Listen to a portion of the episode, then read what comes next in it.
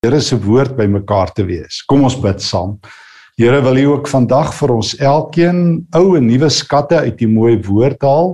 Wil U self al die eer kry en wil U naam groot wees en vol heerlikheid in Jesus se goeie naam. Amen. Ek hou nie op die oomblik so baie van U nie. Dit is hoe Job voel in Job 16. Eintlik sê hy dit nog sterker. Ek is min of meer besig om my geloof te verloor. Hoe gaan daai liedjie Losing My Religion? Ek is besig om u tot my teenstander, my vyand te verklaar. Job is ook klaar met sy vriende en ons sal volgende week daarby stil staan, maar maar sy geveg in Job 16 is met God. Ek lees 'n stukkie saam met jou. Um in Job 16 vers 7. Nou het God my afgetakel. Hy het my hele huisgesin uitgewis. Hy het my beet gepak dit dien as 'n getuienis teen my en my vervalle toestand staan op en getuig teen my. God het my in sy woede verskeur en vervolg. In sy woede het hy my lewe bedreig. Hoor nou, hy, my teenstander, my opponent letterlik, deurboor my met sy eie oë. God het my oorgelewer aan slegte mense. Hy het my in die hand van goddeloses laat val. Ek het rustig gelewe.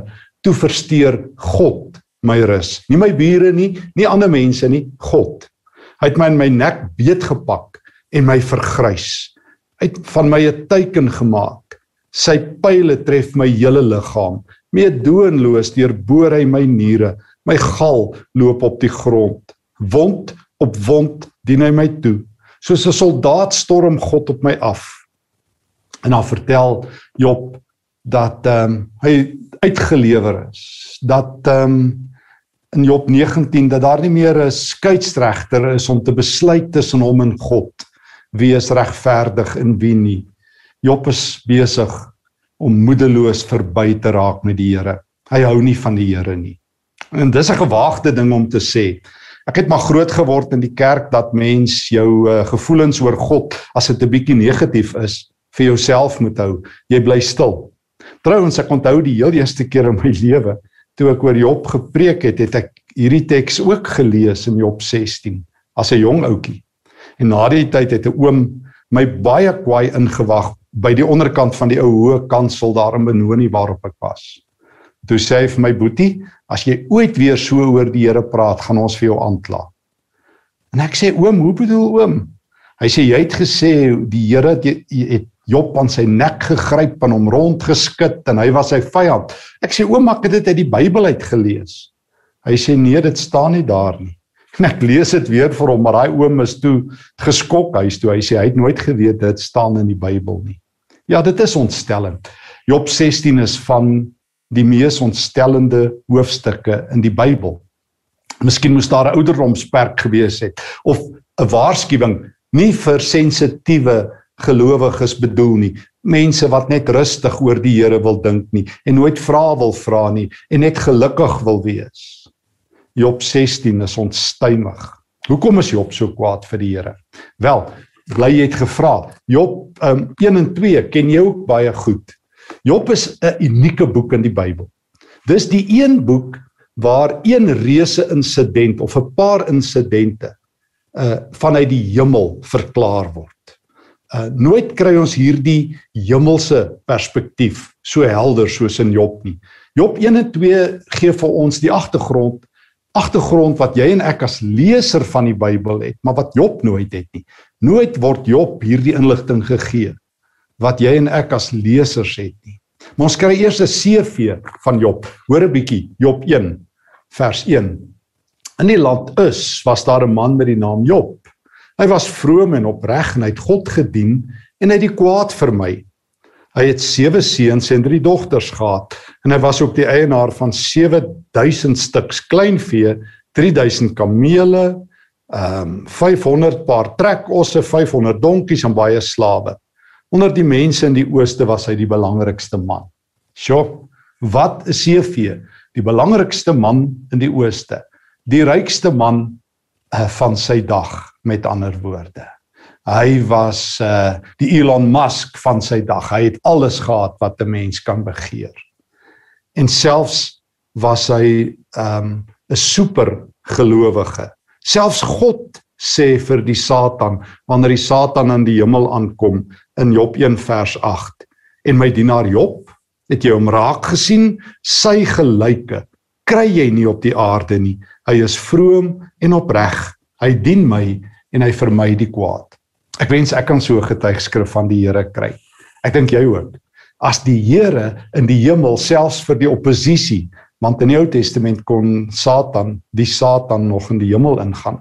Jy onthou in die Nuwe Testament uh Openbaring 12 het hy daardie reg verloor is hy uitgegooi. Maar dis 'n ander gesprek. Maar nou nou is die Satan daar in die hemel om Job aan te kla en God sê hy is die perfekte gelowige en nou lees ek in Job 1 en 2 van hierdie hierdie uitdaging daar in die hemel waar die Satan God uitdaag Hy sê dis ook nie sonder rede dat hy u dien nie. Vat bietjie sy goeders weg en kom ons kyk. En dan gebeur dit. Dan tref die grootste enkele ramp wat iemand kan tref vir Job. Altien sy kinders sterf. Jy kan dit lees. Al sy diere word geroof, gesteel en verwoes. En teen die einde van ehm um, Job 2 het Job niks hoor nie. Al sy kinders is dood. Ek verstaan dat die lewe hard is. Ek hoor wanneer mense 'n geliefde aan die dood verloor, 'n kind of 'n ouer of 'n huweliksmaat, dat dat baie mense sê, "Hoekom het God dit toegelaat? Kon die Here nie dit gekeer het nie? Hoekom daardie noodlottige ongeluk? Hoekom hierdie wrede siekte? Hoekom daardie misdaad? Hoekom daardie selfdood? Waar was die Here?" Ek onthou dat ek 'n rukkie terug uh, lees van iemand hier in Suid-Afrika wat 'n Facebook bladsy het waar hy sê God you do not mess with my people. Hy het 'n kind aan die dood verloor en hy het vir God om hulp gevra en hy sê hy het God gedien en toe drop die Here hom. Nou sy met 'n geveg teen God besig. O en hy kry baie likes. Daar's baie mense wat vir God kwaad is. Ek onthou die Barna groep wat so 'n studie gedoen het en gesê het as jy vir God een ding kan vra, wat sou dit wees? Meeste mense het gesê, "Why? Hoekom, Here?" Al dis waar Job is, besig om sy geloof, sy godsdienst te verloor. God, hoekom? Hoekom? En uiteindelik nadat dit nog erger raak in Job hoofstuk um, 2 dat Job ook um, uitbars met bose swere en dat dit ook sy lyf tref nadat die Satan nog getoets het en en Job ehm um, siektes op hom het wat die koronavirus en al die ander infeksies van ons dag ehm um, gekombineer na niks laat lyk nie. En uiteindelik selfs Job se vrou vir hom sê vloek nou maar vir God en kry klaar en sterf. En Job alleen oorbly. En soos ons volgende week sal sien, sy vriende hom ook in die rug steek. Is dit Job teen God en teen die wêreld? In hierdie hoek Job, in daardie hoek God aangekla. U is my teenstander. U het my vyand geword. Oor en oor roep Job uit. Ek het u gedien. Ek het vir die armes gesorg. Ek het my bydraes gegee. Ek was getrou op my pos. Here, 10 kinders, al my geld, my vrou, my kinders, almal is nou my kinders is weg. My vrou sê ek moet God vloek. My vriende draai hulle rug op my. Ek het alleen oorgebly het my vyand geword. Mag 'n mens so met die Here praat? Ek het groot geword, mens mag nie. Jy mag mooi dinge vir die Here sê, maar jy mag nie met God kwaai wees nie. En ek ek het ook baie keer gehoor van mense wat sê as hulle swaar kry, ons vra nie vra nie, ons berus. Al rus hulle glad nie, hulle berus in wat gebeur het. Ja, Job het aan die begin ook gesê die Here het gegee en die Here het geneem die naam van die Here sy geloof. Maar van Job 3 af vervloek hy sy geboortedag. Sê in Job 3 vers 3: Die dag waarop ek gebore is, moes nooit aangebreek het nie.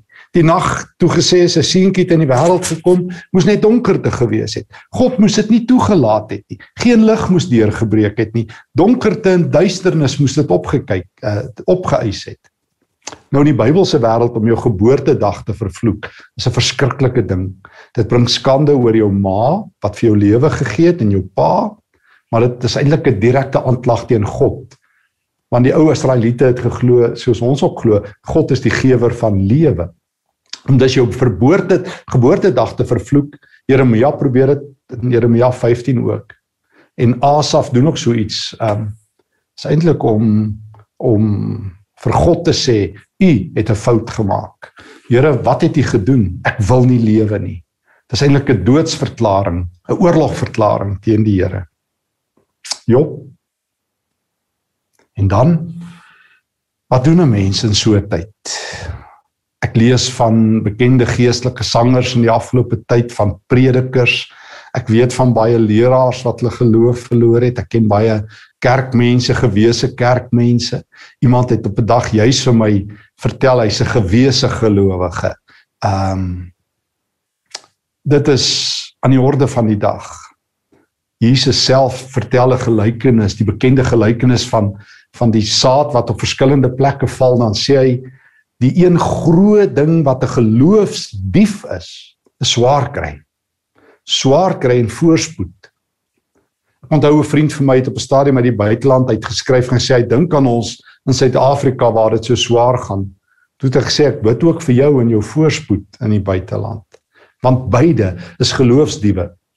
Wanneer dit bitter swaar gaan en jy deur 'n die diep donker dal moet gaan, dan uh, voel jy die Here is nie daar nie. En wanneer jy langs groen weivelde loop, dan dink jy ek het dit maar self gedoen. Wat doen God wanneer God in die aanklagbank is? Wanneer Job en sy vriende vir 37 hoofstukke lank heen en weer die bal slaan, dan na God toe, dan na mekaar toe en God moet hoor, u is onregverdig. Wat dan? Wat maak ons, jy en ek in 'n wêreld waar toenemend baie mense sê, "So waar is jou God?" Psalm 14 sê dis dwaase wat so sê, maar nogtans sê mense, "So waar is jou God?" Ehm um, ons sien niks van hom nie. Ek ehm um, ek het al vertel van van 'n sendeling wat in die Tweede Wêreldoorlog na die oorlog toe loop hy in 'n in 'n in 'n Jood vas wat vir hom sê ek kan nie in God glo nie. Ek was by Auschwitz. Ek was daar. God was nie daar nie, ek was daar. Toe sê hierdie sendeling, ek kan in God glo want ek was by Golgotha en God was daar al was dit seer. Die God in wie ons glo is die God van lyding. Ek ek ek gesels met iemand wat vir my vertel dat hy ook nie meer in God kan glo nie want 'n God van liefde kan nie al hierdie goeters laat gebeur wat onder andere met Job gebeur het nie. Ek vra vir hom, het jy in God geglo toe dit met jou goed gegaan het? Nee nee, toe was dit aan jouself te danke. Dis soos wat ek altyd sê, as die kinders droog maak op skool, dan sit die onderwysers se skuld en as hulle goed presteer, is dit die ouers en die kind se skuld. En as die kerk droog maak, is die slegte leraars se skuld. En as dit goed gaan, dan sit nou maar ons wat die Here reg vertrou het se se skuld. Dit's maklik om vir God die vinger te wys as dinge sleg gaan. Niemand soek 'n God wat alles beheer nie. Maar as dit sleg gaan, dan moes hy dit beheer het. Niemand soek 'n God wat ons soos bliksoldaatjies programmeer met ingeplante mikroskyfies wat ons hele lewe reguleer nie, behalwe as dit verkeerd gaan, dan moes God dit gedoen het. Maar ek wil graag iets vir jou vertel van God. Ehm um, die God van Job wat wat ek raakloop in in Genesis 3 en Genesis 4. En dit is dat God vir mense keuses gee. God sê in Genesis 2 vers 17 en 18 vir die eerste mens, uh, gee vir jou 'n keuse oor een boom. Alles is goed. Daar's net een boom wat jou gaan toets. Moenie daarvan eet nie. En dan doen hy dit. Ek bedoel die keuse was 'n miljoen teen 1. Eet al die bome op, eet al die vrugte op van die noordpool tot die suidpool, oos tot wes. Net een boom gaan jou toets. En toe kry hy dit verkeerd. En ek lees in Genesis 4 van hierdie fenominale God wat nie alles wil beheer nie wat vir Kain sê as Kain agterkom dat sy broer se offer bokant syne aanvaar word dan sien ek hoe Kain um jaloers raak en dan loop God hom raak. Want Kain is kwaad dan lees ek in vers 6 van Genesis 4 toe sê die Here vir Kain waarom is jy kwaad? Waarom is jy bedruk? Wag daar nie vir jou blydskap as jy goed doen nie. As jy nie goed doen nie die sonde wag daar buite en hy wil jou in sy mag kry Jy moet daaroor heers. God het nie 'n rekenaarskyfie in Kain ingeplant wat hom geprogrammeer het om sy broer te vermoor nie. Hy kom waarsku hom. Hy is die God wat aan ons vryheid gee, aan ons die reg tot keuses gee. Hy hy preprogrammeer ons nie. Hy het nie 'n rekenaarprogram wat willoos afspeel en jy en ek is die produkte daarvan. Ons het keuses. En ongelukkig is daar ook die bose in hierdie wêreld. Maar uiteindelik uiteindelik en ek wil jou juis neem na na na Job 38 toe. Uiteindelik besluit God wat by wyse van spreuke in die aanklagbank is om vir Job te antwoord. Hierdie hierdie Job wat vir God sê u is my teenstander. Hierdie Job wat vir God sê u gee nie om nie. Hierdie Job wat vir God sê Hy het my in my nek beet gepak en my geskit laat al die enamel van my tande afval en my kunsgebit uitval. U wat my met u pile deurboor. Here, waar's u? En dan hoor ek die Genesis 3 en 4 God wat sê ek gee vir julle keuses. Ek hou julle aanspreeklik vir julle keuses. Ek programmeer julle nie soos bliksoldaatjies nie. Maar dan antwoord God in Job 38 en watter antwoord is dit nie? En ek wil jou nooi vir 'n oomblik vanaf Job 1 na Job 38 dan's God weer aan die woord. Toe het die Here vir Job uit 'n stormwind aangespreek. Wie is dit wat besig is om my bedoelings te dwarsboom met woorde wat getuig dat hy nie insig het nie? Maak jou reg vir die stryd. Ek sal nou vra. Dan antwoord jy my. Waar was jy toe ek die aarde se fondamente gelê het? Praat as jy die antwoord het. Wie het die aarde afgemeet, weet jy dit? Wie het 'n maatlyn oor hom gespan? Waarop is hy neergesit? Wie het hom aan mekaar gesit? Daardie oggend toe die sterre saam gesing het en al die hemelinge gejubel het? Wie die see opgedam toe hy begin uitborrel het? Ensovoorts. Job. Ewe skielik vat God vir Job in 'n toer deur sy skepping. Hy vat hom na die skepping toe. Hy hy gaan wys vir hom sy almag ook weet dus oor God uit Genesis 4 dat hy ons nie beheer soos 'n Zeus in die Griekse mitologie mense beheer het, alles geprogrammeer het, alles was aan die noodlot oorgelaat het. Nie wat moet gebeur sal gebeur, keisera sera. As jou streepie getrek is, as hy getrek. O, dit is Zeus, maar dis nie die God van die Bybel nie. Maar beteken dit ons is maar net uitgelewer? Nee nee. Nee nee.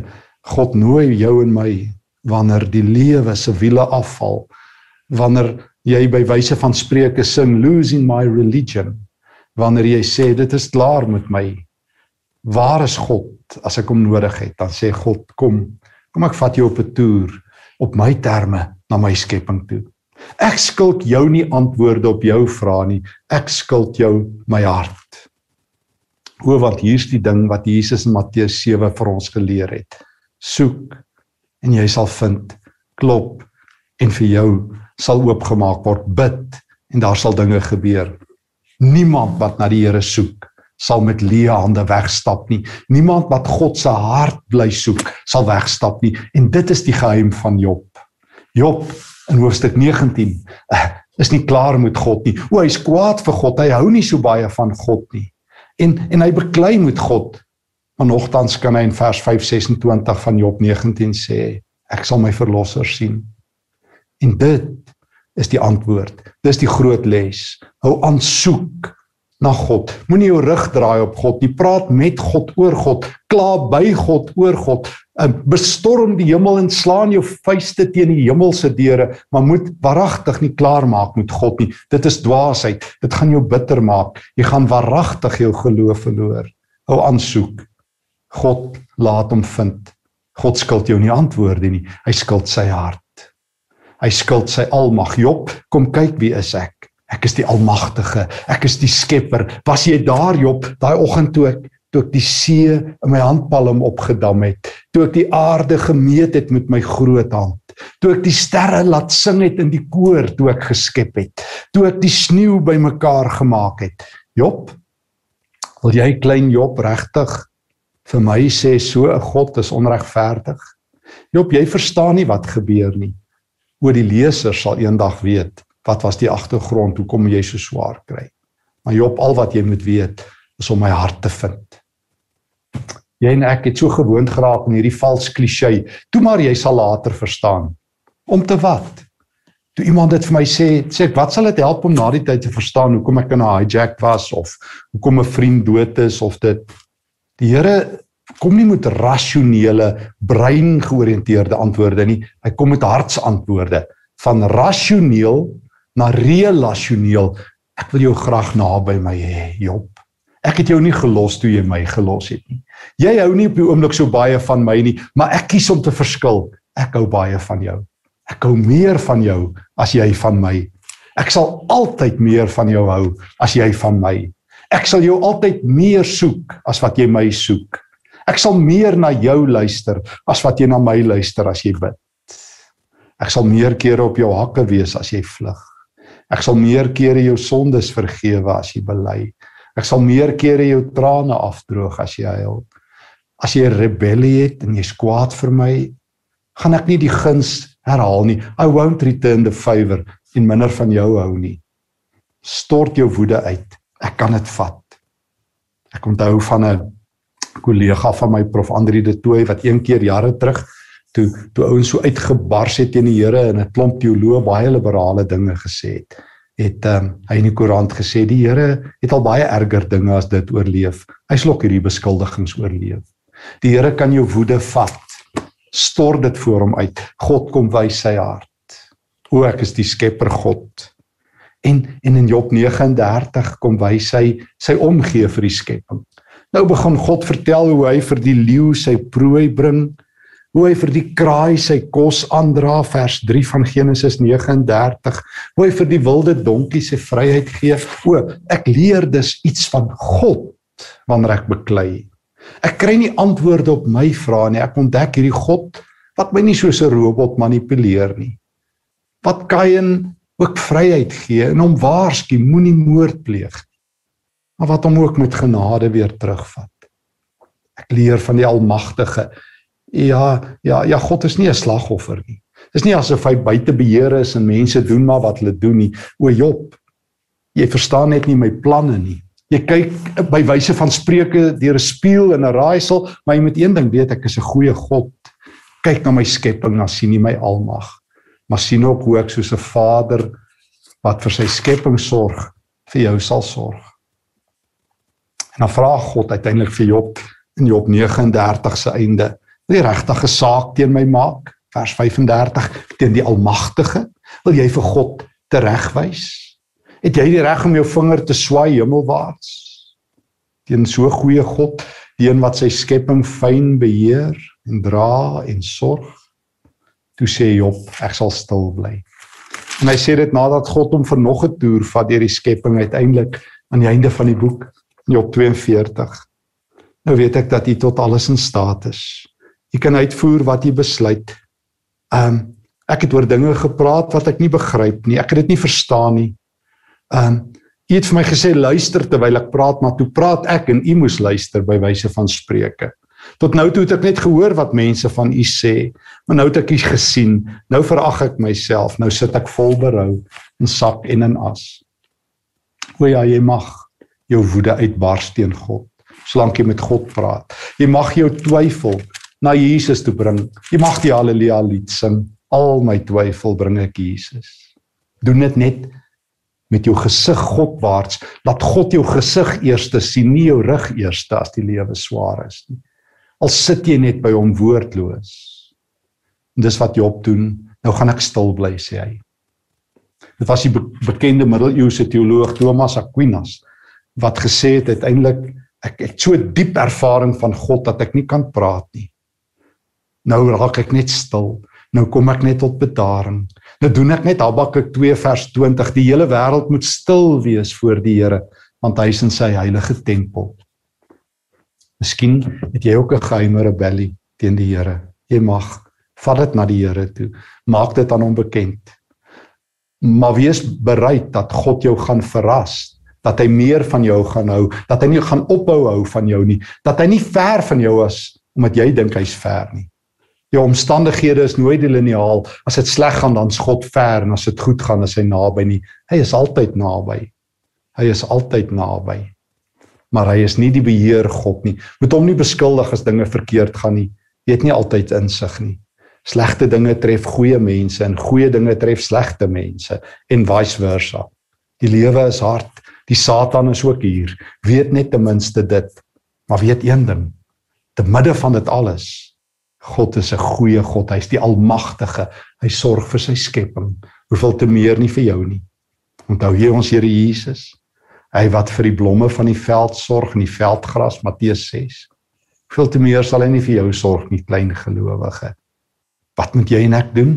O, o, stort jou woede en jou twyfel en jou hartseer en jou geloof by God uit. Soek die koninkryk van God eerste. Matteus 6 vers 33.